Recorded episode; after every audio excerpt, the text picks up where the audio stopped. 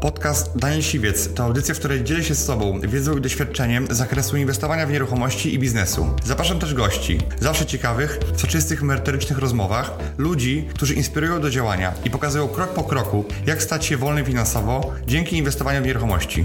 Posłuchaj ich historii, zastosuj modele działania, wykorzystuj narzędzia i uzyskuj podobne rezultaty.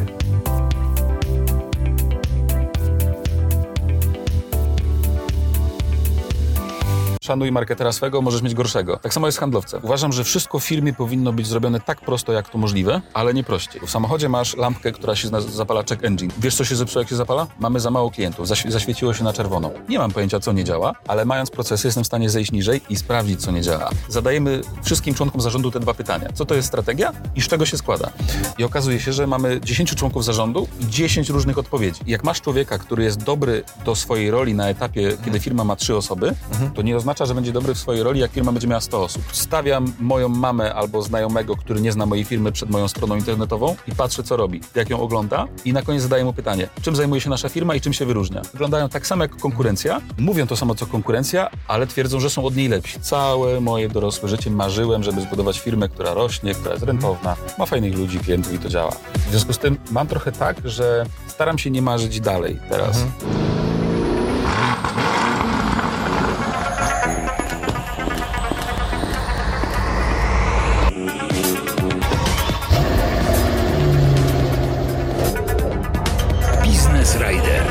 Cześć, witajcie w nowym odcinku Business Ridera, a moim dzisiejszym gościem jest Szymon Negacz.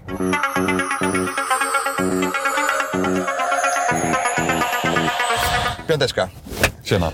Szymon jest przedsiębiorcą, e, od wielu lat prowadzi firmę i jest osobą, która jest tak zwanym company doktorem, czyli osobą, która uzdrawia firmy. Firmy, które mają problemy czy do sprzedaży, czy w marketingu, czy zwiększa ich potencjał i albo wykorzystuje ten potencjał i prowadzi do tego, że firmy nagle zarabiają więcej. Ja pamiętam, widziałem e, Szymon twój wywiad e, u Filipa Nowoglickiego Duży w Maluchu i tam mówiłeś, że masz 10 tysięcy, 10 milionów przychodu. Dzisiaj jak się pytałem, ile masz przychodu, to mi powiedziałeś 30, więc można powiedzieć, powiedzieć, że to jest doskonały dowód na to, że e, Szymon sobie radzi. E, I... Ale tamten wywiad był dwa lata temu. Ja wiem, że dwa lata temu, tak, ale wzrost przez dwa lata o tak naprawdę 200%, mhm. to dużo, tak? E, więc mm, cieszę się, że, że, że, jesteś gościem. Bardzo mnie ciekawi, co masz, jakby twoja wiedza, bo już mieliśmy okazję chwilę zamienić mm, i, i trochę rozmawiać w kontekście moich firm, bo ja mam jakby kilka firm, moim głównym firmami są nieruchomości, ale też i mam firmy zajmujące się sprzedaży, mam działy sprzedaży mhm. i na pewno tam jest coś, co można by było e, poprawić. I teraz, jeżeli Twoja e, firma, ile masz osób? 110, 115. Okej, okay, czyli ty bądź któryś z twoich konsultantów wchodzi do firmy, mhm. żeby, żeby uzdrowić, to od czego zaczynacie? To jest w ogóle świetne pytanie, bo wszyscy by chcieli, żebyśmy zaczynali od roboty, mhm. żeby tak już zwiększać tą sprzedaż. De facto to jest, powiedziałeś kompany doktor, nie? jak lekarz, to de facto jak idziesz do lekarza się leczyć, to co robisz? Badanie. Badania robisz, dokładnie, przegląd, jakiś osłuch, yy, jest stawiana jakaś diagnoza, tu jest trochę ryzyk, tu warto poprawić, dokładnie tego samego zaczynamy, czyli zaczynamy od takiej diagnozy, my to nazywamy warsztatem zerowym. Konsultant wchodzi, mamy 250 parę punktów, które musimy przeglądać w każdej firmie. Mhm. Od zarządzania, bo to jest jakby, to jest wiele modeli. Od strategii przez zarządzanie, przez to, jak pozyskujecie mhm. klientów w sprzedaży i w marketingu, przez to, jak ich kwalifikujecie, jak sprzedajecie, jak dosprzedajecie, mhm. jak potem rozwijacie tych klientów. Mhm. Jest bardzo wiele obszarów, które po prostu przeglądamy. Mhm. I robimy to pod cel klienta, to jest też ważne, bo to jest tak jak z pacjentem. Pacjent mówi, moim celem jest długo żyć, albo nabrać masy mięśniowej, albo żeby, żeby szybko żonę znaleźć, na przykład. To trochę tak samo jest tutaj, nie? że to, to, co zrobimy, ten plan później jest wypadkową celu, który poda klient. Mhm. I jakie to są najczęściej cele? No, najczęstszym celem jest, że chcemy szybciej rosnąć. To jest mhm. najczęstszy cel. E, drugim chyba najczęstszym celem obecnie, to jest ciekawe, jest za duża rotacja. Że wchodzimy do firm, które mają ogromną rotację w działach sprzedaży i marketingu, sięgającą 40-50% rocznie. To jest drugi najczęstszy cel, jakbym miał powiedzieć trzeci. Trzeci to chyba, że wydajemy dużo na marketing i na pozyskiwanie klientów i nie ma z tego żadnych rezultatów. Mhm. To trzy najczęstsze. Okej, okay, a jeżeli chodzi o rekrutację, właśnie o rotację, to... Cały czas cię słyszy, że jest coraz gorzej na rynku pracy, że jest mm, ciężej, ale to słyszę od, od kiedy prowadzę firmę, że jest coraz gorzej, że ludzie są coraz bardziej wymagający albo mają wiele, bardziej roszczeniowi, więcej oczekiwań. I jak to jest naprawdę? No bo czy są jakieś badania na ten temat, czy że, że faktycznie jest gorzej, czy po prostu każdy narzeka, bo mu nie idzie? Wiesz co, moim zdaniem to jest bardzo osadzone w niszach, Bo teraz na przykład, jeżeli poszlibyśmy w programistów, no to sytuacja jest zupełnie inna niż była rok, dwa lata temu. Jest znacznie łatwiej znaleźć dobrego programistę, więcej z nich szuka, szuka pracy, tam ta rotacja trochę spadła, bo nastroje w branży są takie, a nie inne, ale na przykład my jest, mamy agencję rekrutacyjną sprzedaży i marketingu. I po raz pierwszy w historii mamy sytuację, w której na przykład, załóżmy, kandydat zarabia 15 tysięcy. Nowy pracodawca, nasz klient, składa mu propozycję 20 tysięcy. Fajnie? Tak. Fajnie. I ten kandydat w ostatniej chwili rezygnuje, bo obecny pracodawca dał mu 30. Okej, czyli po prostu gra, e, gra i negocjuje. Ale nagle okazuje się, że obecni pracodawcy są w stanie dać odchodzącym kandydatom dwa razy więcej pieniędzy. Nie widzieliśmy czegoś takiego rok, dwa lata temu. To jest nowum dla nas teraz w tym, co się dzieje.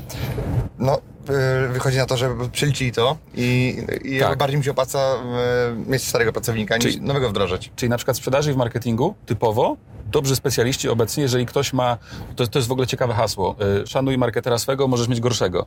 Tak samo jest z handlowcem, nie? że często te, mamy takie powiedzenie, y, kiedyś mój kolega, który jest po trzech rozwodach powiedział, że możesz zmienić żonę, ale to nic nie zmieni. że druga żona, jak już ją miał, to miała wszystkie wady pierwszej i jeszcze swoje i trzecia żona, jak teraz ją ma, to ona ma wady tych dwóch i jeszcze swoje. I tak samo jest z tymi handlowcami, że, że często firmy rekrutują, zwalniają, rekrutują, zwalniają i ciągle mają te same problemy z tymi ludźmi. Widocznie coś mają źle, jakiś proces mają źle. Na przykład, tak. Tak. Ty jesteś em, też specjalistą od procesów, czyli od, od tego jakby jak, jak firmę poustawiać. Tak. I powiedz mi e, coś więcej na ten temat, bo ja widziałem e, w twoim wiedzie padło takie jedno słowo, mianowicie chodziło o tym, żeby firma się samo zarządzała. Tak. I na czym to polega i jak to zrobić? To jest dobre pytanie. Mamy dwie godziny. Okej, ale w skrótach może, tak? Jakby Tak. hasłowno, hasłami. To teraz tak, proces, jeżeli masz, jak masz babcię, to babcia twoja miała procesy. Na przykład na schabowego. Albo Przepis, na przepis. Przepis. I wiesz, i teraz przepis, proces, możemy to nazwać zamiennie, nie? I na przykład moja babcia miała bardzo nieprecyzyjny proces, no bo w procesie było napisane, że szczyptę trzeba dodać do, y, do schabowego i będzie dobrze. I jakby w, w wielu firmach jest tak, że, że procesy są stworzone tak jak u mojej babci, czyli tu szczypta, tam szczypta, trochę miłości i będzie dobrze. Nieprecyzyjnie. I generalnie procesowe, procesy, bo żeby się samo zarządzało, to muszą być procesy. I teraz w tych firmach, na przykład w dziale sprzedaży, procesów możemy mieć bardzo dużo. Pierwszy proces przykładowy, co zrobić, jak przyjdzie zapytanie od klienta. Naj, najpro, najprostszy proces świata. Co robimy po kolei, kiedy robimy, kto to robi. Drugi proces, co robić, jak klient chce ofertę. Trzeci proces, co robić, jeżeli nie mamy klientów w danym miesiącu, albo co robimy co miesiąc, żeby zawsze mieć klientów. Na każdy z tych rzeczy możesz stworzyć proces. Nawet możesz stworzyć proces na sprawdzenie oferty, czy ona jest na pewno dobra. Możesz stworzyć proces na to, żeby sprawdzić klienta, czy to będzie dobry klient, czy to będzie ktoś, kto będzie nam truł, truł a nie przyniesie przychodu na przykład. Nie? Tak. Jak, go wyselekcjonować, żeby mm, wziąć tylko tych, których chcemy? Czyli bierzemy jakiś obszar firmy, bo którym jest chaos, jest coś nie tak, jak powinno być i zastanawiamy się, jak stworzyć najprostszy możliwy, prosty, łatwy proces, żeby to fajnie działało. I teraz teoretycznie czysto, u nas w firmie funkcjonuje pewnie tych procesów kilkaset, yy, no bo tych firm jest dużo, różnych scenariuszy jest dużo i, i one są wszystkie bardzo życiowe, czyli to nie są jakieś wielkie, rozpasłe dokumenty, które mówią o 18 pff, stronach i 26 punktach, tylko to są bardzo proste rzeczy. Wpada klient, sprawdź te cztery rzeczy. Potem, jeżeli na przykład rozmawiasz z klientem w czasie pierwszej rozmowy, dopytaj o te trzy rzeczy, bo to są trzy ważne dla nas rzeczy. I w ten sposób procesujemy organizację. Nie doprowadzamy do takiego przekazywania wiedzy przez y, osmozę albo przez y, atmosferę, że przychodzi ktoś nowy i mówi, Daniel, słuchaj, tutaj obserwuj pana kierowcę, jak prowadzi samochód i potem tak poprowadź. Nie? To, bo to nie działa. Tak. Tylko ja jestem na etapie tam, od półtora roku wpro- wprowadzamy standardy, procesy No. e, i to jest trudne, e, bo wcześniej tego nie było. E, wcześniej były właśnie przez osmozę wszystko się, się działo.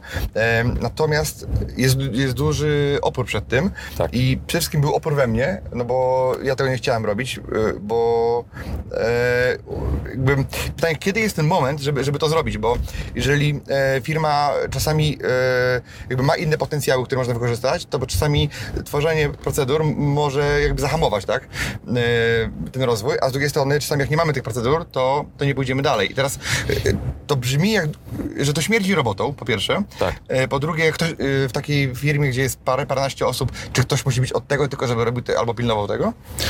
To teraz tak. Uważam, że wszystko w firmie powinno być zrobione tak prosto, jak to możliwe, ale nie prościej. I teraz patrz, wyobraźmy sobie, że mamy, my we dwójkę założyliśmy biznes i z panem, z panem kierowcą, w trójkę założyliśmy jakąś firmę. I załóżmy, że mamy duży problem polegający na tym, że codziennie gdzieś, na przykład, nie, pan kierowca codziennie się rozbija na przykład, albo gdzieś rysuje samochód. Czy bylibyśmy w stanie się umówić na to, że pilnujemy trzech rzeczy, żeby do tego nie dochodziło? Bylibyśmy w stanie. Panie kierowco, zwracamy uwagę na to, ja zwracam uwagę na to i jest fajnie. I teoretycznie to już jest proces, no bo mamy jakąś checklistę, którą będziemy sprawdzali przed każdym razem, za każdym razem, zanim ruszymy w podróż. I teraz, jak mamy trzyosobową firmę, małą firmę i mamy z czymś problem, największy problem, załóżmy, brakuje nam nowych klientów, albo załóżmy, klienci dostają ofertę, ale nie kupują. Czujesz siłę tak, problemu. tak, tak. To bierzemy, bierzemy zawsze silny problem i zaczynamy dookoła tego budować jakiś proces. No dobra, no to teraz jeżeli oni nie kupują, no to dlaczego nie kupują? Może oferta jest brzydka, może, yy, może ta oferta nie mówi o tym, czego oni potrzebują, może totalnie się nie wyróżniamy od konkurencji, może mamy za drogo, może jest 1600 innych problemów. I teraz generalnie zabawa w procesy polega na tym, żeby odkryć ten problem, odkryć ten powód problemu jak go odkryjesz, to żeby już się umówić między nas, naszą trójką nawet, ok? Czyli zawsze w ofercie robimy to, to i to, bo już wiemy, że to jest potrzebne. I jak robimy tak, to działa lepiej. I teraz teoretycznie to już był proces. I teraz nie jestem fanem, jestem wrogiem tworzenia procesów dla tworzenia procesów. Bardzo wielu moich słuchaczy procesuje sobie firmy dla samego procesowania firm. To jest bez sensu, to jest I niebiznesowe. oni zamiast y, pracować nad firmą, to, to pracują, jakby są pracownikami od procesu. Dokładnie, i to jest absolutnie bez sensu, bo nieżyciowe procesy się nie wdrażają, bo ludzie nie chcą ich robić. A teraz zwróć uwagę, że jeżeli masz, na przykład my w trójkę pracujemy, wracam do tego przykładu, i każdy z nas wysyła ofertę do klientów i wymyśliliśmy, jak to robić dobrze, opisaliśmy to w jakimś prostym miejscu, no to wszyscy z tego będą korzystali, bo to działa lepiej, jest sensowne i logiczne. Największy problem wdrażania procesów to jest właśnie to, że ludzie utożsamiają procesy, procedury z korporacjami, z opasłymi dokumentami, które o niczym nie mówią, nikomu nie są do niczego potrzebne i przede wszystkim są nieżyciowe. I teraz na przykład, wiesz, u nas prosty proces. Jak pytamy klienta, y, jakie ma pan strategiczne cele, to klient nie potrafi nam odpowiedzieć na to pytanie. Słyszałeś w moim wystąpieniu ten przykład, nie? Dlatego pytamy klienta, co by pan chciał zobaczyć, że się w pana firmie zmieniło jakby za rok. Że Tak. pan do niej wchodzi, co się w niej zmieniło. I to jest piękne i proste i zapisujemy sobie to w naszej liście, że warto takie pytanie zadać dla klienta przy pierwszej rozmowie. I super. Co, to, co mi tutaj wychodzi, czyli największa korzyść, którą ja widzę z tego, to jest to, żeby e, wyrobić sobie nawyk e, zapisywania tego, e, jakie mam przemyślenia i na co się umawiamy. Żeby rzeczy układać raz. Tak ja to widzę. Tak, tak, ale jeśli chodzi o to, że y, okej, umówiliśmy się z panem kierowcą i nami, że Tak. tak. robimy, ale teraz trzeba to przełożyć na dokument. I to to jest, to jest kilka etapów. Bo teraz tak, przełożyliśmy to na dokument. Pan kierowca powiedział, okej, dobra, będę tak robił. I jutro rano idziemy i tak nie robi. No bo tak może być, nie? No to teraz trzeba o tym pogadać. No to co możemy zrobić, żebyś tak robił? Chyba, że masz lepszy pomysł na proces niż ten. Nie mam lepszego pomysłu. No to czy możemy się umówić, że przez tydzień będziesz tak robił i za tydzień się spotkamy, pogadamy, czy to było spoko? No możemy się umówić. No i się spotykamy za tydzień i pan kierowca mówi na przykład, to jest bez sensu. Moim zdaniem to jest bez sensu, tak nie powinniśmy robić. No okej, to siądźmy i wymyślmy coś, co jest sensem. Zróbmy to, nie? Jakby nie ma, jakby moim zdaniem przy procedurach najgorsze, co jest, to zamknięcie dialogu na to, że przyszedł prezes i powiedział, y, słuchałem y, pana Daniela y, albo pana Negacza i tak trzeba robić.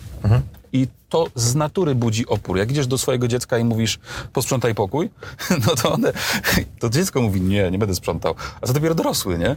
Więc y, zamknięcie dialogu jest bez sensu. Wielokrotne układanie tych samych rzeczy jest bez sensu.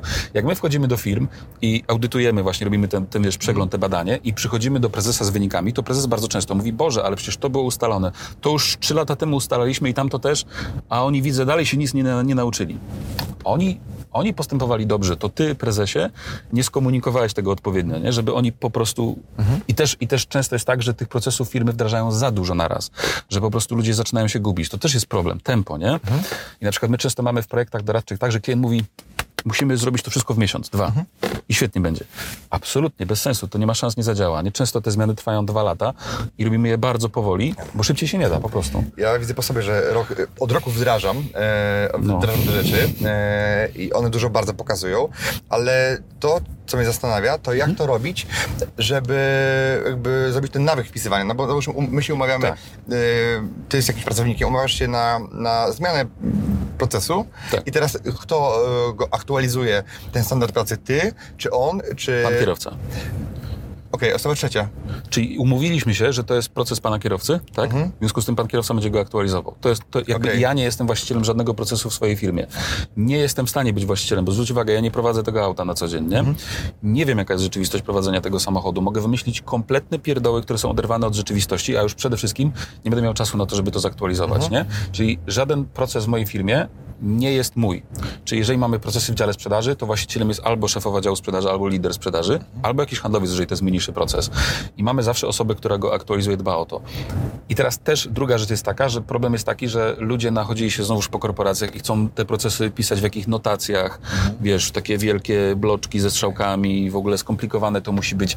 To właśnie nie musi takie być. To musi być proste, jasne, przyjemne i czytelne też przede wszystkim. Mhm. E, No okej, ale e, w kwestii te, tego, jak ktoś to zrozumiał, czyli jest jakaś kontrola twoja, ktoś to robi, dodaje cię do akceptacji tego, e, bo popatrz sobie, my umówiliśmy się Mhm. e, we dwóch, ty ze mną, że jest jakiś proces. Ja Tak. mówię, "Ja- okej, ja jestem twoim podległym pracownikiem, więc to wpiszę e, w swoim, no, nazwijmy to, pliku. Tak. Ja to wpisałem, ja to inaczej zrozumiałem, albo zrozumiałem to, to tak, jak mi jest korzystniej, a później się do tego odwołuję i mówię, że no, no było tak. Teraz pytanie, czy jest ak- akceptacja jeszcze tego, co ty wpiszesz? Tak, oczywiście, że tak. To jest tak, że na przykład u nas y, zmiany w procesie możemy dokonać co tydzień na spotkaniach takich tygodniowych, gdzie zgadnij co mierzymy. Procesy mierzymy. Czyli tak jak znowuż możemy porównać do samochodu. W samochodzie masz lampkę, która się zapala check engine. Wiesz, co się zepsuło, jak się zapala? Nie. Ale wiesz, że coś się zepsuło. I to na, takie, na takiej samej zasadzie działa. Mierzymy dużo rzeczy w każdej firmie i załóżmy, że nie wiem, mamy za mało klientów, zaś, zaświeciło się na czerwono. Nie mam pojęcia, co nie działa, ale mając procesy, jestem w stanie zejść niżej i sprawdzić, co nie działa. A może nie dzwoniliśmy, a może nie zrobiliśmy tego, może nie zrobiliśmy tamtego i mogę na to poprawić proces. To jak to zrobić, żebyśmy kolejnym razem nie przestali dzwonić? No bo nie mieliśmy czasu, bo robiliśmy dokumenty. Okej, to jak to możemy robić, żebyście kolejnym razem nie robili dokumentów? To może księgowa powinna mieć za to odpowiedzialność. I tak naprawdę każda nasza firma się zmienia co tydzień i to nie jest tak, że ta osoba ma możliwość jakby samodzielnej decyzji, że ona tam sobie ten proces pozmienia, ale to ona jest odpowiedzialna za to, żeby tą rozmowę zainicjować. Że moim zdaniem to jest bez sensu, trzeba to zmienić. Fajnie. Na przykład proces w dziale sprzedaży klepie szefowa sprzedaży. Proces na poziomie ponad z, działem sprzedaży, czyli już strategicznym moim, klepie ja. Jeżeli to dotyka na przykład strategii grupy, załóżmy. Okej, em, to powiedz mi e, w takim razie, są te procesy e, i jak one mogą się przełożyć na zwiększenie wielkości firmy, czy na przychody, czy jakby jakieś takie przykłady, jakbyś mógł podać, um, success story e, twojego bądź twoich klientów. Spoko. Wydaje mi się, że większość tych procesów, które najbardziej przekładają się na wzrost biznesu, to są procesy, które dbają o to, żeby rzeczy się działy rzeczywiście. W większości przypadków, jak na przykład marketing nie działa albo nie działa prospecting, pozyskiwanie klientów na zimno w sensie, to najczęściej najczęstszym problemem jest to, że ludzie tego nie robią. Albo robią to nie robiąc tego. Symulując, albo... Tak, że jakby dzwoni do klienta i tak klient nie odebrał, jest takie chwała panu, nie? Super. I większość procesów, na przykład, podam, podam ci przykład, mamy dużą firmę, w której mamy 18 osób wykonujących cold call. I e, bardzo prosty proces. Rano na ścianie zaczęliśmy wieszać tabelkę, ile telefonów kto wykonał wczoraj. I czy to było, było zgodnie z celem liniowym, który ci ludzie mają. I teraz ludzie widząc dane z procesu, mogą się samo zarządzić. Nie? To znaczy ja nie muszę pójść do Kowalskiego i powiedzieć, patrz, masz mniej niż pozostali, bo on patrzy w tabelkę i mówi, Widzę. mam mniej niż pozostali. I teraz okazuje się, że na poziomie pokazania ludziom danych, to się ładnie nazywa wizualne zarządzanie, liczba telefonów zwiększyła się tam o 60-70%. Z tylko i wyłącznie z, wiesz, proces wdrożony w 3 godziny, nie? Potem drugi proces możemy zrobić, to znaczy ci ludzie witali się na przykład mówiąc, dzień dobry, czy ma pan dla mnie chwilę? Czyli to jest tak, jakbym, jakbym do ciebie zadzwonił i otworzył ci drzwi Tak. wyjściowe. No bo ty mówisz nie i de facto koniec rozmowy, nie? I na przykład robimy znowuż prosty proces na to, że wstęp rozmowy, do rozmowy nie może tak wyglądać. Trzeba powiedzieć, dzień dobry, dzwonię do pana w tej i w tej i w tej sprawie, chcę o tym pogadać. Czy ma pan chwilę? W tej kolejności. I okazuje się, że wtedy tam o 40 parę procent, wiesz, wzrosła liczba ludzi, którzy chcieli wejść w rozmowę, co się przekłada na paręnaście milionów rocznie. Kolejny przykład jest na przykład taki, że często w marketingu z kolei na stronach internetowych, te strony internetowe, klient nie wie, co ma zrobić. Jest zakładka kontakt. Nie? I jest takie, no przecież jak będzie chciał się skontaktować, to kliknie. Tak. Ale jak wymyślisz coś innego niż zakładka kontakt, do, na dodatek zrobisz z tego proces polegający na tym, że jak ktoś już był na stronie, to dostanie informację, że warto się z tobą umówić na konsultację, albo że warto porozmawiać w tym i w tym i w tym temacie, to jeżeli sam podpowiesz, o czym oni mają gadać, to chętniej będą gadać. I tu mamy na przykład klienta, wiesz, z branży fotowoltaicznej, który na tym wygenerował, deklaratywnie tak twierdzi, tego nie zmierzyliśmy, ale wygenerował ponad 50 baniek na tym, że sobie poukładał marketing. To była już duża firma, żeby nie było. Więc to nie jest 50 baniek od zera, tylko Tak. to jest 50 baniek firmy, która robiła 600 parę milionów. E, natomiast wiesz, jeżeli, jeżeli prosty proces może być warty tyle pieniędzy, no to kurczę. U nas na przykład bardzo prosty proces, podejmowanie telefonu. Lida dokładnie rzecz biorąc. Zapytanie wpadło. Jak wyślesz zapytanie w twojej branży do 10 firm, to średnio statystycznie do godziny odpowiedź tak 3. Może. W mojej czy w twojej? Obojętnie w jakiej. Okej. Statystycznie pomiędzy branżami, nie? Jak y, próbuję cokolwiek kupić, to rozsyłam te 10 zapytań, bo wiem, że 5 firm nigdy nie odzwoni, trzy odzwonią za 5 dni, a te dwie tam do jutra będzie kontakt jakiś, może. Banalny proces, który wdrażamy prawie zawsze na początku w firmach. Jak to zrobić, żeby odzwaniać w 5 minut? Ale ludzie mówią, ale Szymon, nie da się odzwaniać w 5 minut, nasi handlowcy są w terenie. Nie? I prosty proces, ok, to robimy dyżury. Jeden dziennie nie jest w terenie. I jego zadaniem jest podejmowanie do 5 minut. Git? Klient mówi, w sumie to git. Albo, nie wiem, zatrudniamy asystentkę, która będzie to podejmowała i umawiała tych handlowców na docelowego Tak. kola. I znowuż okazuje się, że to są banalne procesy, które potrafią wygenerować w firmach bardzo dużo pieniędzy, tylko często jest tak, że pierwszą reakcją jest, no nie da się podejmować w 5 minut, bo my jesteśmy w terenie, nie? Okej, no jest, jest jakby opór przed tym. Tak. Jeżeli jesteśmy już jakby na, e, w dziale mm, sprzedaży, Mhm. to powiedz mi, jakie tak, tak naprawdę, że masz e, konsultantów telefonicznych, którzy dzwonią i, i sprzedają, to, to jakie tak naprawdę mierniki e, im stosujesz albo... e, Co mierzę? Tak, co mierzysz? Jakby co mierzysz? Jakby jakie najważniejsze parametry e, ustalacie po to do tego, żeby ocenić, czy pracownik jest wydajny, czy nie? Tak, dobra. To teraz to, co ja powiem, odzwierciedla mój biznes. Każdy musi sobie to przetłumaczyć na swój. Tak. Przede wszystkim mierzymy liczbę zapytań i mierzymy liczbę zapytań kwalifikowanych, czyli tak zwanych sensownych. To jest procent tego pokazuje, jak dobry jest nasz marketing, czyli generujemy tych klientów, z którymi powinniśmy gadać. Potem generujemy, ile klientów dostało kontakt do 5 minut, procent. I tutaj jesteśmy, musimy mieć powyżej 95%, chcemy mieć. Potem sprawdzamy skuteczność sprzedaży pierwszego tego audytu warsztatu zerowego, tego badania dla firm. Pyk i potem procent, ile z tych badań zamieniło się w docelową współpracę.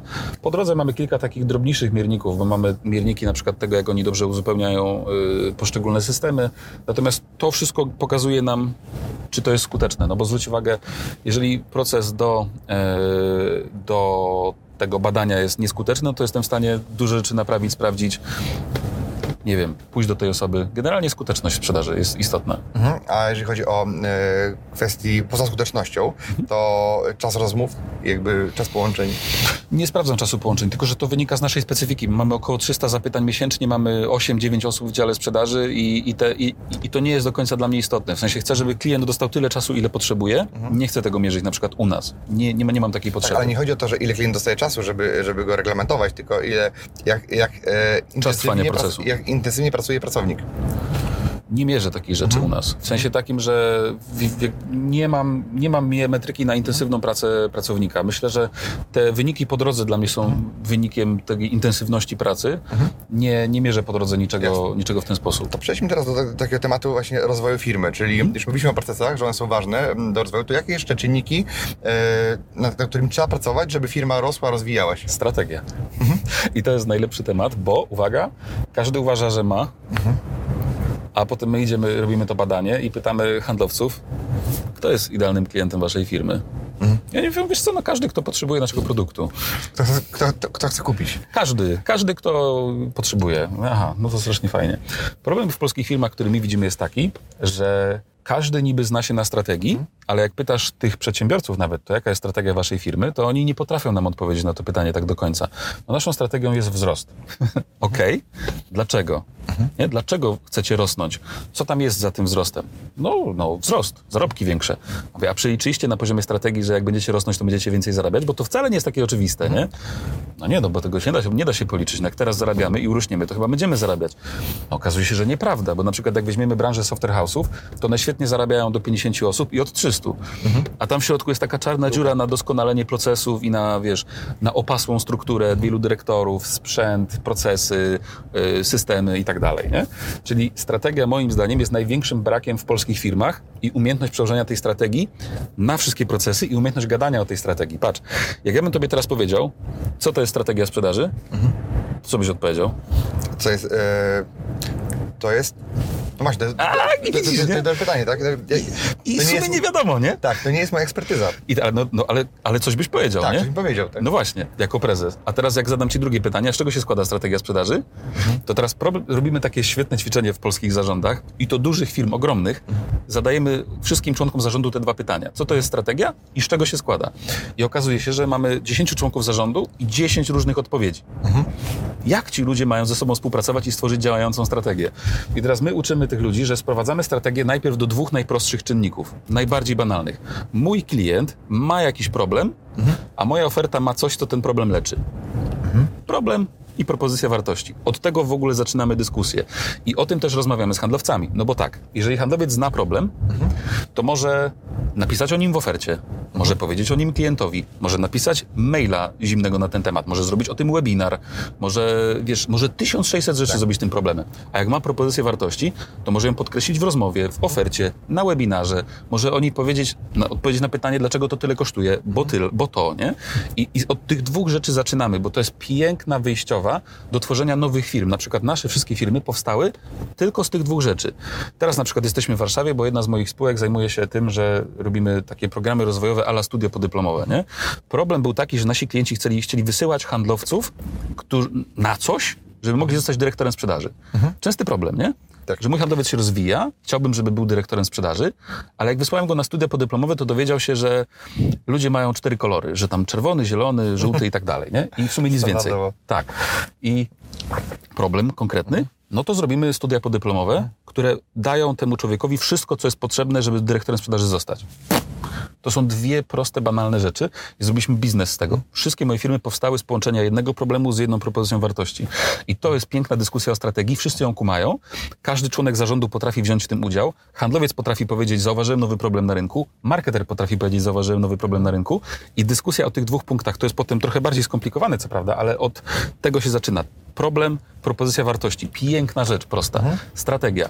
Okej, no to właśnie, bo mamy duże firmy e, albo średnie firmy, które mogą sobie pozwolić właśnie na, na, na to, żebyś do nich przyjechał, prawda? Ale też mamy mniejsze firmy, które, e, nie wiem, 5, 10, 20 osób, które mm, robią już wyniki, czyli działają, jest, jest skuteczne, e, nie mają o tym pojęcia, mogłyby to robić lepiej, to jaka jest dla nich droga wtedy? Wiesz co, my mamy trochę takich 20-osobowych klientów, ale najczęstsza droga, którą ja rekomenduję, to jest edukacja własna. To znaczy albo szkolenia, albo materiały, żeby to zrozumieć. Bo teraz najlepsze wyniki mamy tam, gdzie zaangażował się zarząd, prezes, dyrektor sprzedaży. Nie w to, żeby jakby e, wyszkolcie moich handlowców, żeby byli lepsi, tylko w to, żeby samodzielnie zrozumieć, z czego to się składa. Że na przykład spójrz, jeżeli powiedziałem Ci, że strategia to jest przede wszystkim problem i propozycja wartości, to ja jestem w stanie w swojej firmie wyszkolić handlowców, żeby mówili mi o nowych problemach, jak zauważą w rynku. A problemy się często zmieniają teraz? Tak. 2023 rynek się zmienia non-stop, nie? Ci, którzy szybciej zareagują, więcej zarobią. Kropka. Czyli patrz, mam handlowców, którzy patrzą mi na te problemy na rynku. Mam marketerów, którzy patrzą. Wszyscy moi konsultanci ciągle obserwują rynek, czy nie ma nowego problemu. Czyli tak naprawdę nagle się okazuje, że w firmie, której mam 100 parę osób, wszyscy kminią na temat tej strategii, a nie tylko ja, jako ta jedna smutna głowa na samym szczycie i muszę coś wiecznie wykminiać, tylko ludzie dają mi znać, że słuchaj, widzę nowy problem na rynku, taki, taki i taki. Wydaje mi się, że moglibyśmy go rozwiązać w taki sposób. Co sądzisz? I wtedy ja mogę sobie tą strategię zupdate'ować i ją zmienić. De facto, jak mówisz o wzroście, tam mamy z 10 milionów na 30, w te dwa lata, to, to on się wziął nie z tego, że odbieraliśmy szybko telefony, mieliśmy świetne procesy i tak dalej, tylko właśnie z tej dyskusji o strategii. Non-stop co miesiąc siadamy z zarządem o tym gadamy, ale nie gadamy o tym, że y, strategia jest wielka i skomplikowana i w ogóle strasznie wielopoziomowa, tylko właśnie ona jest super prosta. Jaki problem widzimy nowy? Albo czy, o, to jest też ciekawe, czy ten problem, który rozwiązujemy, czy on naprawdę dalej istnieje u klientów? Okej, a jak mówisz, że jakby rozmawiasz z zarządem, a jak wygląda u Ciebie struktura właścicielska, struktura zarządu? Czy jakby z kim Ty robisz biznes jakby, bo żeby móc Dobre pytanie. z kimś skonsultować albo otworzyć głowę, to trzeba mieć jeszcze drugie osoby po drugiej stronie. Tak, no jakby mamy grupę przede wszystkim i tu jest pięć, pięć firm, cztery spółki, jedna, jedna działalność gospodarcza i w ramach tych spółek jest około 12 linii biznesowych, czyli takich oddzielonych biznesów. Każda z nich ma heada, który za nią odpowiada i jest sześć osób w zarządzie całej grupy, które decydują o losach grupy. De facto nie ma w firmie żadnego procesu, byłbym, którego byłbym właścicielem. Bardzo dla mnie jest ważne to, jacy to są ludzie. Strasznie o nich dbam, bo są wspaniali. I na poziomie zarządu mam szefową finansów, mam szefa konsultingu, mam szefową sprzedaży, mam e, szefową HR-u i kogoś jeszcze. Finanse, ja, aha, i moja, moja żona, która też szefuje e, spółce rekrutacyjnej. Mhm. Ale to są osoby z poziomu zarządu, prawda? A z poziomu właścicielskiego, e, jak to wygląda? Czy, e, Oni też są właścicielami. też są właścicielami, ale dostali opcje na udziały? Czy założyli z nimi te firmy? Czy... W różnej, w, każda osoba jest na trochę innym etapie. Niektóre z nich mają linie biznesowe, które się inkubują pod obecną spółką. Czekamy, aż dostatecznie urosną i dostaną udziały. Niektóre z nich dostały udziały w formie e, nagrody, nazwijmy to, na przykład szefowa sprzedaży czy szefowa konsultingu i, i po prostu razem jesteśmy w Selwajsie. A pozostali są tak jakby na, są rozliczani z zysku tych poszczególnych linii. Mhm. Okej.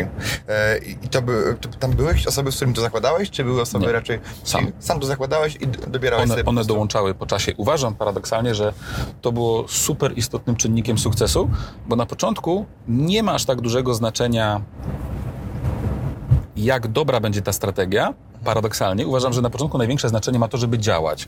A jak jesteś sam i nie musisz się z nikim konsultować, to działasz najszybciej. Tak.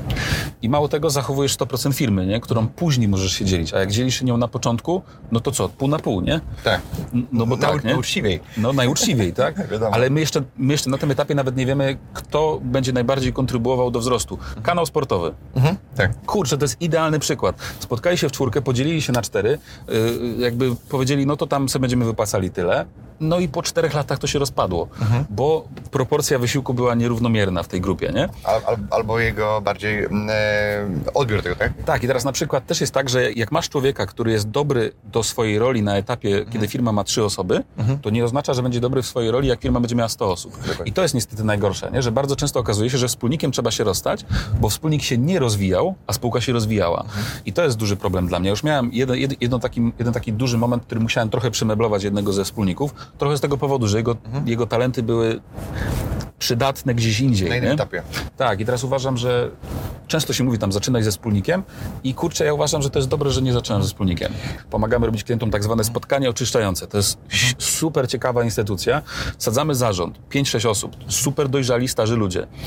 I okazuje się, że tam jest tyle żalu, tak? żalu jakiegoś, nie? Bo ty mi dwa lata temu powiedziałeś, bo ja to zrobiłem, a ty nie doceniłeś.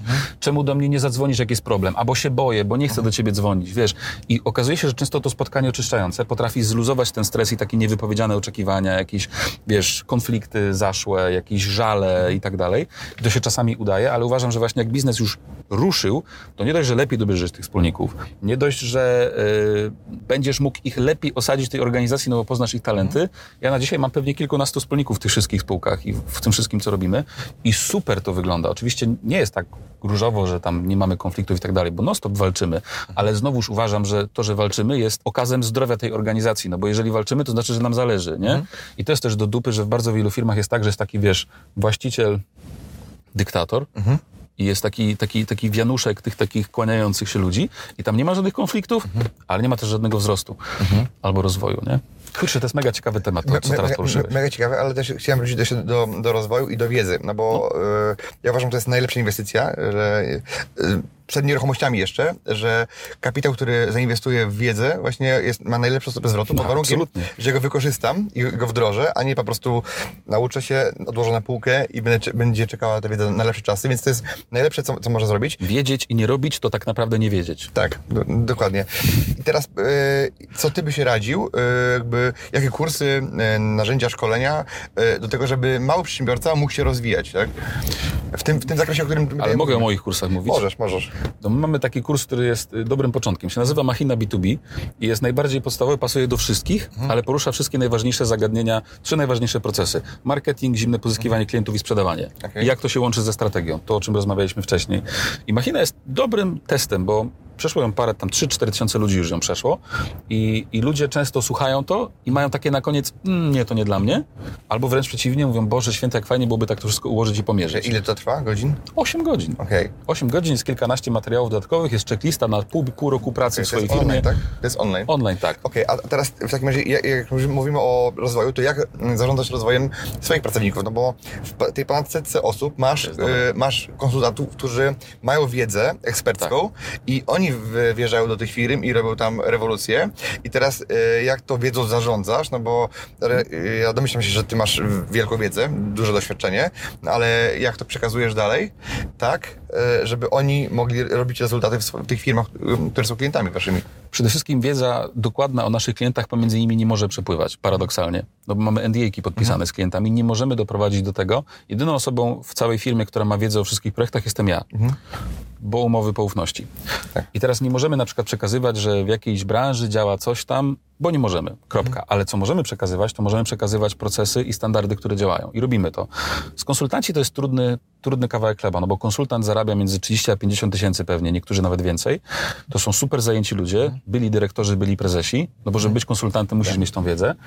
I zgromadzenie ich w jednym miejscu to jest super droga impreza. Więc robimy to raz na miesiąc, trwa to 4 godziny i składa się nie uwierzysz, z mierzenia procesów w konsultingu. Pokazujemy sobie kilkanaście liczy, jak nam idzie, gadamy o tym, jak je poprawić i są dwie duże prezentacje godzinne o tej wiedzy nowej, którą pozyskaliśmy w ostatnim miesiącu. To zawsze najważniejsze. Na przykład coś nowego wyszło, nowy standard w procesie. To robimy na poziomie całej grupy konsultantów na przykład. Potem jest tak, że każdy konsultant ma swojego lidera i jeszcze pracuje z nim indywidualnie, nie? że lider patrzy na jego projekty i, e, i podpowiada mu, co zrobić, gdzie i jak, no bo ci liderzy też gromadzą trochę więcej wiedzy. To są na przykład Ale już handlowcy? Handlowcy też mają raz na miesiąc dłuższe spotkanie, gdzie szefowa sprzedaży z kolei zaprasza tych konsultantów naszych, żeby czegoś ich nauczyli, w zależności od tego, co kto potrzebuje i też pracuje indywidualnie. Jakby w każdej z tych naszych firm jest wymiana wiedzy, bo to jest trochę tak, że jak my jesteśmy firmą taką, no to ci pracownicy, jak do nas dołączają, to ich głównym oczekiwaniem jest to, że będą się uczyć. Więc my musimy to oczekiwanie też spełnić. Więc każdy zespół ma jakiś proces na naukę. Transfer wiedzy taki, tak? Tak. E, a ile masz konsultantów takich, którzy działają? 40. Okej. I to są osoby, które pracują e, na wyłączność, czy Tak. z- są też zewnętrzni? Jakby? Tylko na wyłączność, inaczej nie działało. Jak miałem konsultantów, którzy robili trzy rzeczy, no to tutaj... Nie, właśnie problem był taki, że obiecali coś klientowi, klient nie dostał. Albo ich fokus był na, niby na kliencie, ale jeszcze na czymś, nie? I to był najtrudniejszy etap rozwoju mojego biznesu, że byłem za mały, żeby im zapłacić za tą wyłączność, a bardzo jej potrzebowałem. To było super trudne. Teraz już jest tak, że jesteśmy duzi, mamy duży przychód, mamy bardzo wiele klientów, wiele nowych lidów, więc to jest łatwiejsze. Natomiast absolutnie musieliśmy wyeliminować wszystkie takie projektowe osoby, bo nam to nie działało niestety. Jasne, a to może zapytam cię, cię o pieniądze. Ile kosztuje taka usługa? Ja wiem, że to zależy od klienta, od, od zakresu i tak dalej, ale, ale jakby z jakim wydatkiem się musi liczyć? E, jakby, ja wiem, że... że... Mogę ci odpowiedzieć, to jakby znam to, to odpowiedź. konkretne pytanie. To badanie najczęściej w małej firmie kosztuje około 6-7 tysięcy. Jeżeli wymaga więcej czasu, to to jest około 10-15 tysięcy.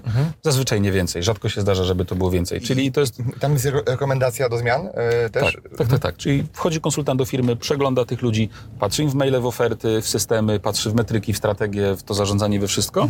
I rezultatem tego jest, tak jak u lekarza, diagnoza na dokumencie. Ten dokument ma pewnie między 20 a 60 stron, w zależności od tego, jakby gdzie byliśmy. I teraz jak klient popatrzy na ten dokument i powie, plan mi się podoba, czuję ten plan, konsultant mi się podobał, czuję tego konsultanta, to możemy zacząć to wspólnie wdrażać. I tu zazwyczaj to jest gdzieś od pewnie 5 do 30-40 tysięcy miesięcznie. Mediana to będzie gdzieś koło 10 tysięcy. I w tym jest na przykład dzień, cały, cały dzień na miejscu klienta, potem jeszcze dwie godziny co tydzień, żeby sprawdzić niektóre rzeczy, pokierować ludzi, spotkać się z nimi. E, paradoksalnie nie jest potrzebne bardzo dużo godzin pracy konsultanta, żeby tą pracę u klienta popychać do przodu. To jest tak, jak ci powiedziałem na początku rozmowy, że najlepiej, najszybszą drogą do celu jest powoli. Okej. paradoksalnie. Więc to nie są duże wydatki i bardzo wielu klientów nigdy nie rezygnuje z tej usługi paradoksalnie. No bo jak rok już robimy rzeczy, to bardzo szybko łapiemy się, że konsultant pomoże w rekrutacji, konsultant pomoże w strategii, konsultant pomoże jak duży klient zrobił coś. Okej. Jeszcze jest tak, że konsultant wyśle innego konsultanta, no bo to jest największa wartość, nie? że jeżeli ich jest tylu, no to mamy tak zwanego konsultanta prowadzącego, który wrzuca tam wspierających, którzy są na przykład specjalistą w czymś. Okej. E, I mm, jak, na ile można liczyć, e, na jakie wsparcie, jaki jest zakres tego godzinowy, no bo wiadomo, że on jeszcze ma pewnie jest- innych klientów też.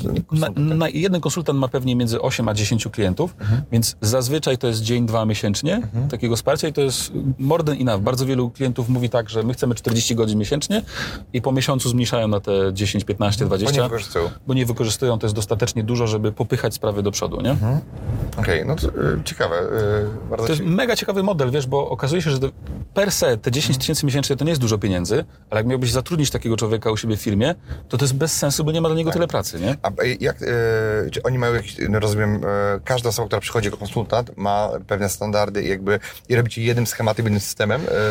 E, jakby wiadomo, że każdy ma doświadczenia, inne swoje naleciałości i tak dalej. Musimy. Inne doświadczenia, ale pytanie, czy jest jakiś taki schemat? Tak, system? musimy, my to nazwaliśmy Wise Selling System, musimy to zrobić, bo teraz zwróć uwagę, że jak jeden konsultant przygotuje strategię, to pozostałych 30 musi wiedzieć, co z nią zrobić, nie? I teraz jak on weźmie tą strategię do spółki rekrutacyjnej, to spółka rekrutacyjna wie, jak zrekrutować. Do m- agencji marketingowej, agencja marketingowa z tego wie, jak zrobić marketing, nie? Musimy mieć jeden standard, bo jak tego nie było, no to musieliśmy, wiesz, cztery razy, czterech konsultantów, cztery razy wypracowywało klienta to samo i to nie działało. To jest najdroższy element wdrożenia, nie? Że bierzemy super doświadczonych ludzi z, nale, z, nale, z naleciałościami. Na szczęście to, co robimy jest dość logiczne i nie ma większego problemu z tym, żeby w to ich wdrożyć. To nie jest tak, że nie muszą się zmienić. To jest tak, że po prostu porządkują to w jakimś określonym systemie, nie? Abyś miał powiedzieć mm, teraz takie trzy rzeczy, które mm, powinien jakby zastanowić się przedsiębiorca, czyli zarówno mały, jak i duży, e, które może wdrożyć w swojej firmie, e, co może mu poprawić po prostu e, bardzo szybko, zmienić mu, zmienić mu jego sy- sytuację, tak? Czyli jakby gdzie zajrzeć, jakby tak nawiązując do lekarza, to co zbadać, jakby jakie badanie, na przykład krwi, zrobić, żeby zobaczyć, gdzie tam najczęściej się pod, e, pod e, pierzyną ukrywają jakieś e, problemy, które można w łatwym sensie e, poprawić. Pierwszy, najważniejszy, najprostszy proces, proces podjęcia zapytania od klienta. Jak to zrobić, żeby był najszybszy w branży, najbardziej uporządkowany i żeby klient dowiadywał się wszystkich rzeczy, których potrzebuje do podjęcia decyzji. To jest bardzo ważne. Pierwszy proces i uważam, że tam ka, jakby Tam są pieniądze. zawsze jest ich po prostu multum i nie rozumiem, dlaczego on jest, nie, to jest dla mnie nieracjonalne. Drugi proces. Stawiam moją mamę albo znajomego, który nie zna mojej firmy przed moją stroną internetową i patrzę, co robi. Jak ją ogląda. I na koniec zadaję mu pytanie, czym zajmuje się nasza firma i czym się wyróżnia. Jak on nie potrafi odpowiedzieć, to jest drugi ogromny proces, w którym jest po prostu tryliardy pieniędzy e, ukryte, że po prostu jakby nie wiem z czego to wynika, że pytam na przykład firmy, jaką, co jest waszą największą przewagą konkurencyjną i oni to mówią, a potem wchodzę na stronę i tam jest jakby wysoka jakość, zaufany zespół i jakieś inne pierdoły, nie? Standardy. Tak, i po prostu wyglądają tak samo jak konkurencja, mówią to samo co konkurencja, ale twierdzą, że są od niej lepsi. Ale tego nie widać. Nie mogę się tego dowiedzieć, dopóki kogoś nie poznam z tej firmy i on mi o tym nie opowie. Więc to jest, to jest drugi. Na trzeci moim zdaniem strategia, nie? że w większości przypadków, jak zadajemy przedsiębiorcom pytanie, kto jest waszym klientem, kto nie jest waszym klientem, jaki problem rozwiązujecie i jakich problemów nie rozwiązujecie, które problemy najczęściej zaczynają zakup, które wasze elementy z waszej propozycji wartości są dla klientów najwięcej warte siana, pieniędzy w sensie, to jakby oni coś odpowiadają, ale to nie jest przemyślane, to nie jest często, wiesz, uporządkowane, kropka, te trzy rzeczy. Okej.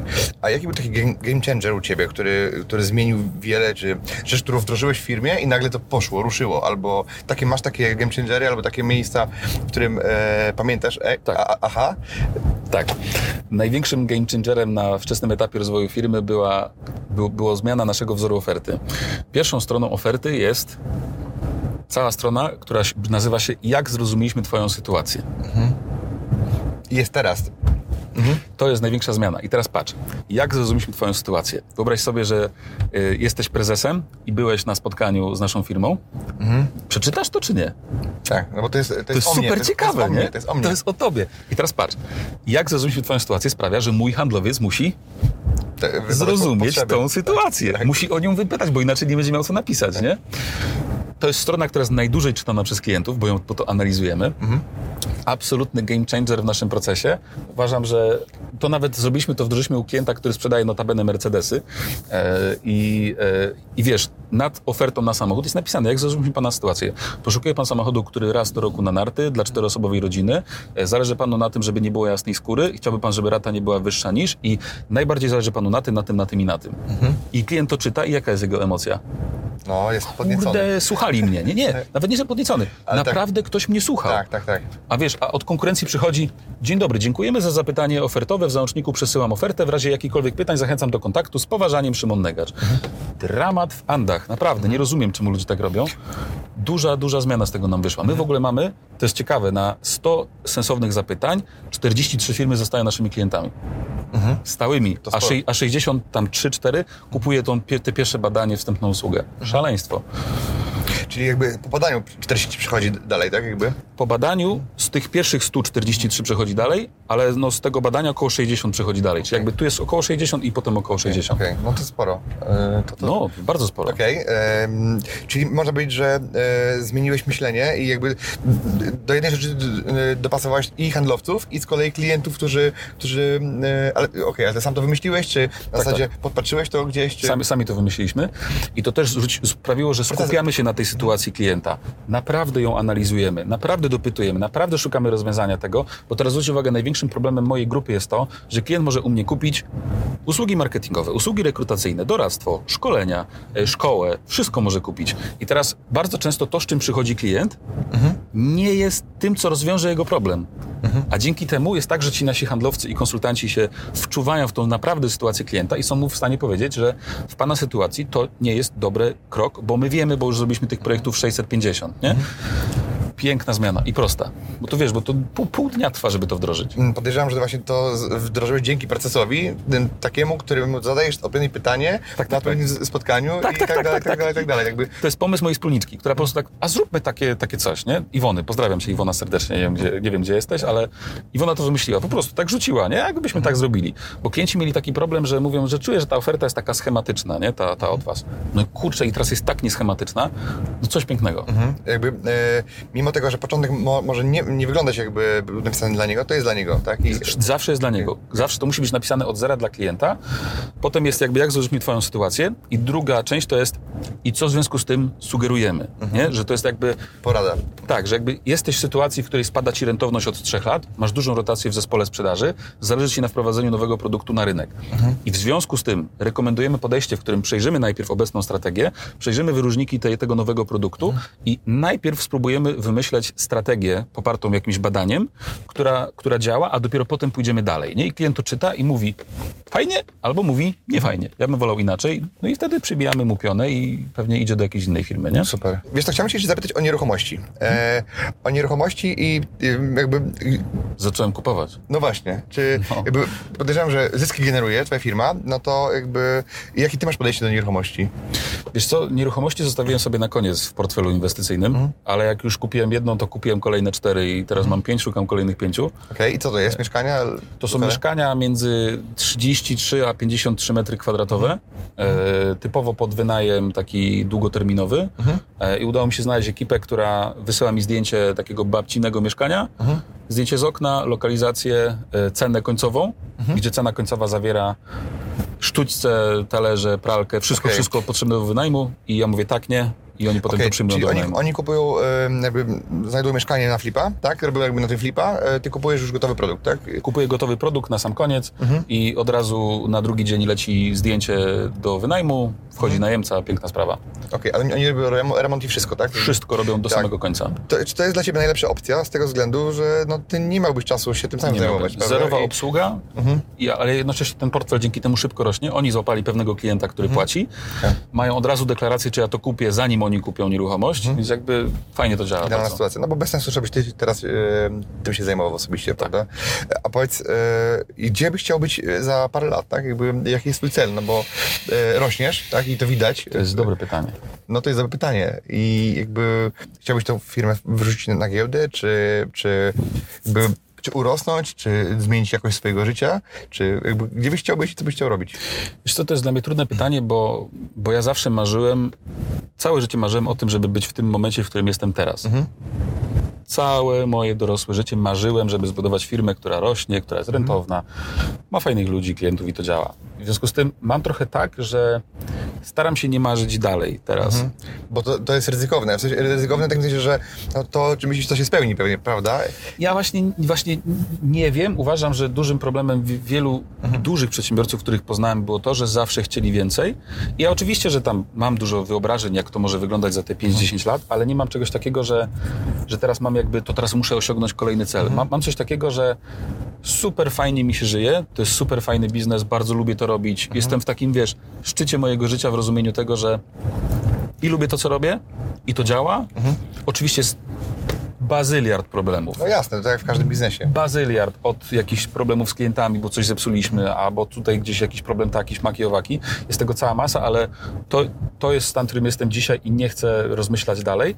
To, co gdzieś dalej, to mam pomysł na nowy biznes, E, ale muszę zdać odpowiedzialność pełną za ten obecny i to już jest biznes totalnie międzynarodowy i za niego zabiorę się pewnie tak za rok, dwa. Przygotowania już trwają, już mam identyfikację wizualną, już mam lejek marketingowy, już mam strategię. A możesz powiedzieć coś więcej? Nie. nie, ale będzie o tym bardzo głośno, jak, jak się za to już tak publicznie zabiorę, nie? Ale prace trwają. Okej, czyli bardziej robisz y, po to, żeby tworzyć, po to, żeby się tym bawić, a, a niekoniecznie o tym, żeby... Tak to widzę, bo jakby i tak nie jestem w stanie, nie potrzebuję więcej pieniędzy, to jest super istotne. Yy, Wręcz jest trochę tak, że im więcej ich jest, tym, tym więcej jest roboty dookoła nich, Tak. więc trochę nie mam motywacji już czysto finansowej. Ciężej się zarządza, y, więcej jest problemów. y, Tak, I jakby wzrost y, kapitału, który masz, no nie zmienia twojej jakości twojego życia. nie zmienia kompletnie. No, może lekko zmienić, no bo możesz sobie kupić zamiast y, dobrego Nie. samochodu to helikopter czy samolot, ale, ale to są takie to małe W ogóle nie, nie wyobrażam sobie, że latam helikopterem czy samolotem gdzieś. Po prostu wolę sobie wsiąść do samochodu, pojechać. Jestem prosty chłop ze wsi i, i tak mi to się dobrze żyje. Ja wiesz co, ja e, chciałem, ostatnio chciałem, miałem zajawkę, żeby kupić helikopter, ale już latałem, ale ostatnio się przeleciałem takim, który ledwo leciał. I pomyślałem sobie, nie, to jednak, to jednak nie jest dla mnie, bo wiesz, taki Tak, helikopter tak, tak. nie kosztuje dużo, tak naprawdę w stosunku do samochodu e, naprawdę drugiego, czy dobrego. A ile kosztuje helikopter? E, No tak od, od miliona, są takie lekkie za paręset tysięcy, tak?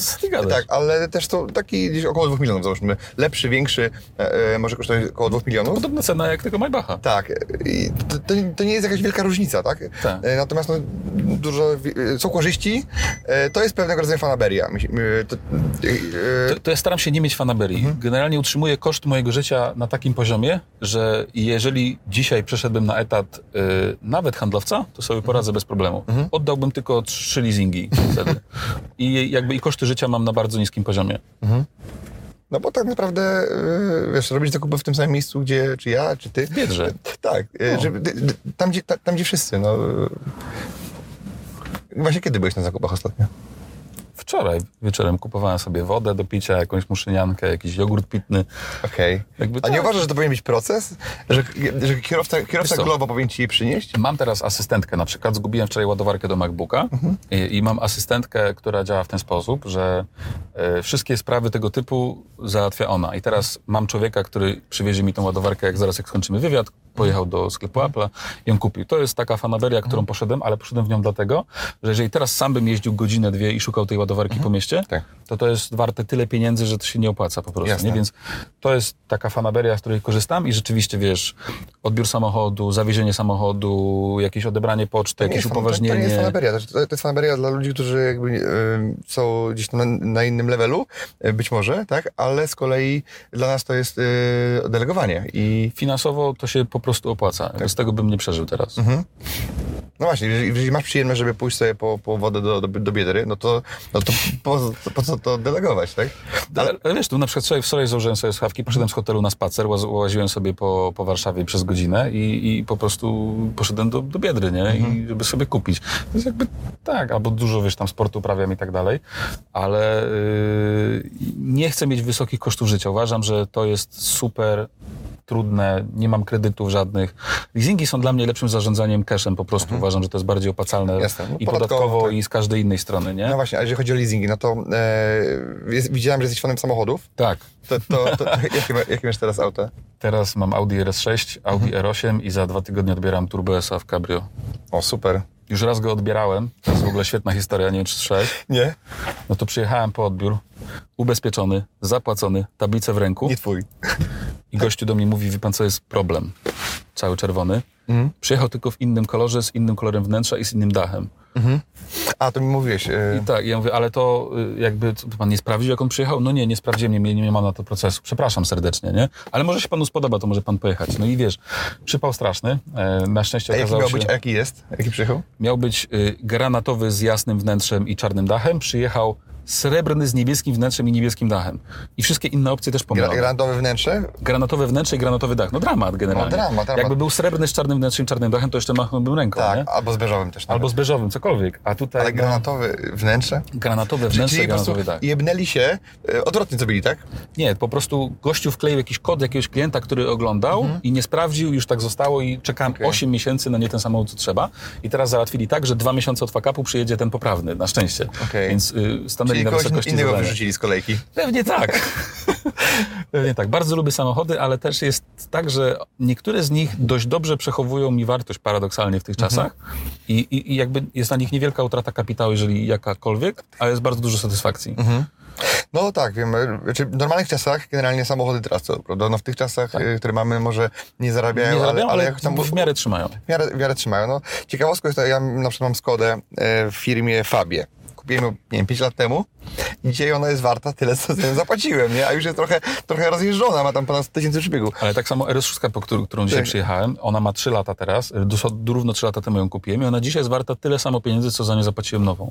Tak. Co jest szaleństwem. Tak, tak, tak. No, niektóre samochody są droższe jeszcze niż, bo są niedostępne na przykład. Tak, Tak, I, dokładnie. y, ja mam Urusa i y, ten Urus jest więcej warty y, na rynku wtórnym, bo ciężko go zamówić, nie, ma nie, nie można ich zamówić. Ja, ja dlatego zamówiłem R8 z tylnym napędem, bo skończyli produkcję R8, nie kupisz już nowej. To jest V12, tak? Czy To jest V10, 10, no. wolnosące V10 i jeszcze na przelocie. Mm. No właśnie, ale to są dwa podobne samochody, w sensie takim, że podobną jakość doznań.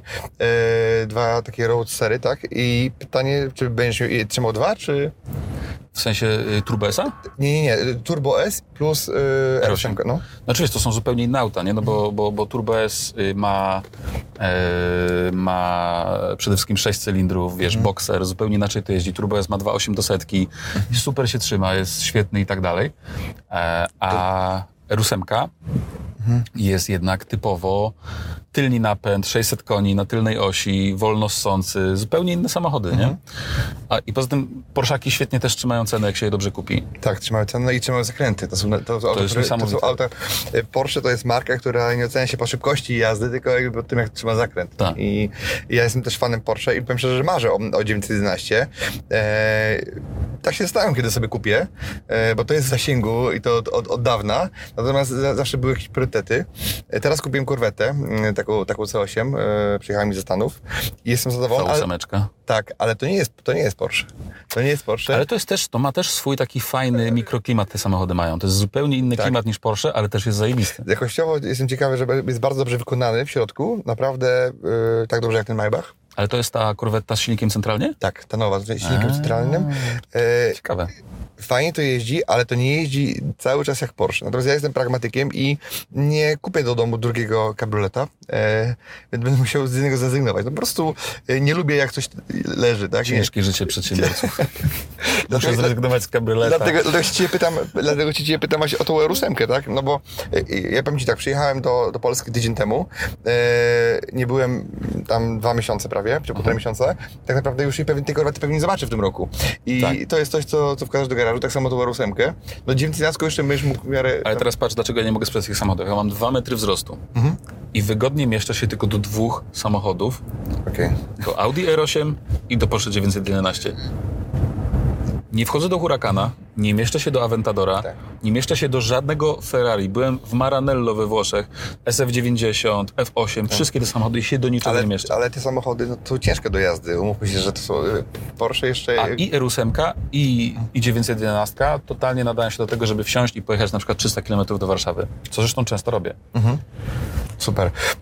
Szymon, dzięki w takim razie, bo skończyliśmy o samochodach, e, dziękuję Ci w takim razie, że, że zostałeś gościem Business Ridera i mam nadzieję, że jakby dla Was było to, to bardzo ciekawe, co, co Szymon mówił, bo Szymon ma, ma wielką wiedzę e, w temacie właśnie biznesowym, sprzedaży i myślę, że jeszcze chętnie sobie pogadam, bo, bo ja sam mam wiele pytań, bo jakby wiem, że jakby cały czas trzeba się rozwijać i ja cały czas i pewnie Ty śledzisz YouTube'a, ja śledzę YouTube'a i widzę jakby i od razu zwróciłem na Ci uwagę, poznaliśmy się chyba w tym roku, prawda? E, Dopiero, Tak. m, podczas konferencji, więc warto jeździć na konferencję, e, poznawać się. Także dzięki wielkie, piątka. Dzięki. I dzięki Wam również. Dziękuję Ci, że wysłuchałeś do końca. Jeśli ten podcast był dla Ciebie interesujący, zapraszam do słuchania kolejnych odcinków. A jeśli chcesz jako pierwszy otrzymywać powiadomienia o nowych odcinkach, subskrybuj mój podcast.